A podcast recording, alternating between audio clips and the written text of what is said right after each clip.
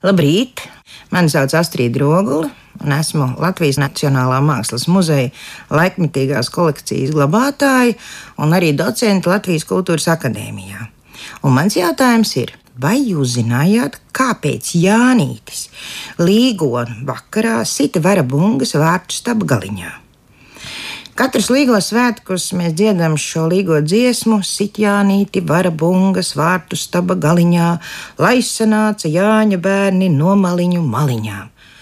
Bet mēs neaizdomājamies, no kurienes latviešiem varš un kur var redzēt vārtu stabus tādus, lai Jānis varētu ar visām bungām tajos uzrāpties un braši sist. Tātad Dainas izcelsme mūs aizved uz seno Etrūriju. Tā ir teritorija Apenīna pussalā, vai kā mēs to saucam, Itālijas zābakā, uz augšu no Romas. Tas ir Dvedo Toskāna. Un etruska bija tauta, kas plauka un zēla laikā no 8. līdz 3. gadsimtam pirms mūsu ēras. Romieši viņus sauc par tuskiem, un no turienes arī nāk Toskanas nosaukums. Paši viņi gan sauc sevi savādāk, un bija lieliski metāla apstrādātāji. Viņi veidoja ikdienas un kulta priekšmetus ne tikai no vara, bet arī no daudz kā cita, proti, no bronzas, zelta. Un to bija tik ļoti daudz, ka ļoti daudz muzeju ekspozīcijas ir pārpildītas ar brīnišķīgiem izstrādājumiem, kur autori ir etruski. Viņa dievu vidū bija arī divsējainais Jānus ar divām sejām, it kā uz vienu pusi, uz otru pusi, kurš bija ne tikai durvju, vārtu, robežu sargs, bet viņš arī simbolizē sālgriežus. Tātad katra gada, mēneša, dienas un arī saules cikla sākums bija Jānus varā.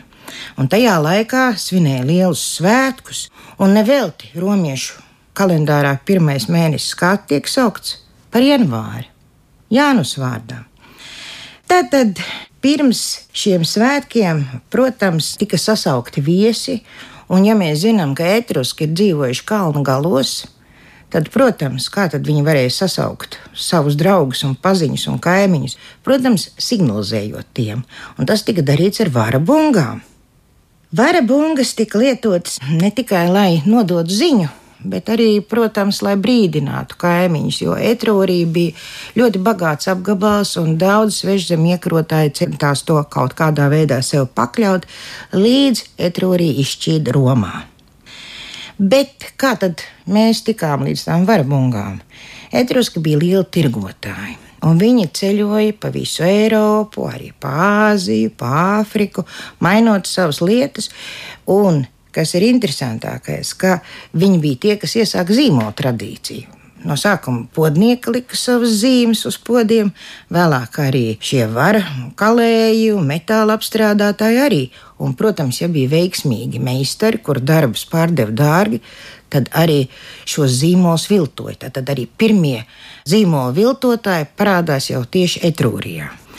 Etruskiem bija ļoti interesanta šī sabiedrība. Gluži kā pie mums senos laikos, kur nešķiroja vīriešus un sievietes, un kā Jāņos saka, nezinu, kas sieva vai meita visām zāļu vainagdziņa, arī etruski ļoti bieži dzīvoja kopā ar sievām, un viņi simpozija Nebija viss kā grieķiem, kur sieviešu nebija. Tieši otrādi.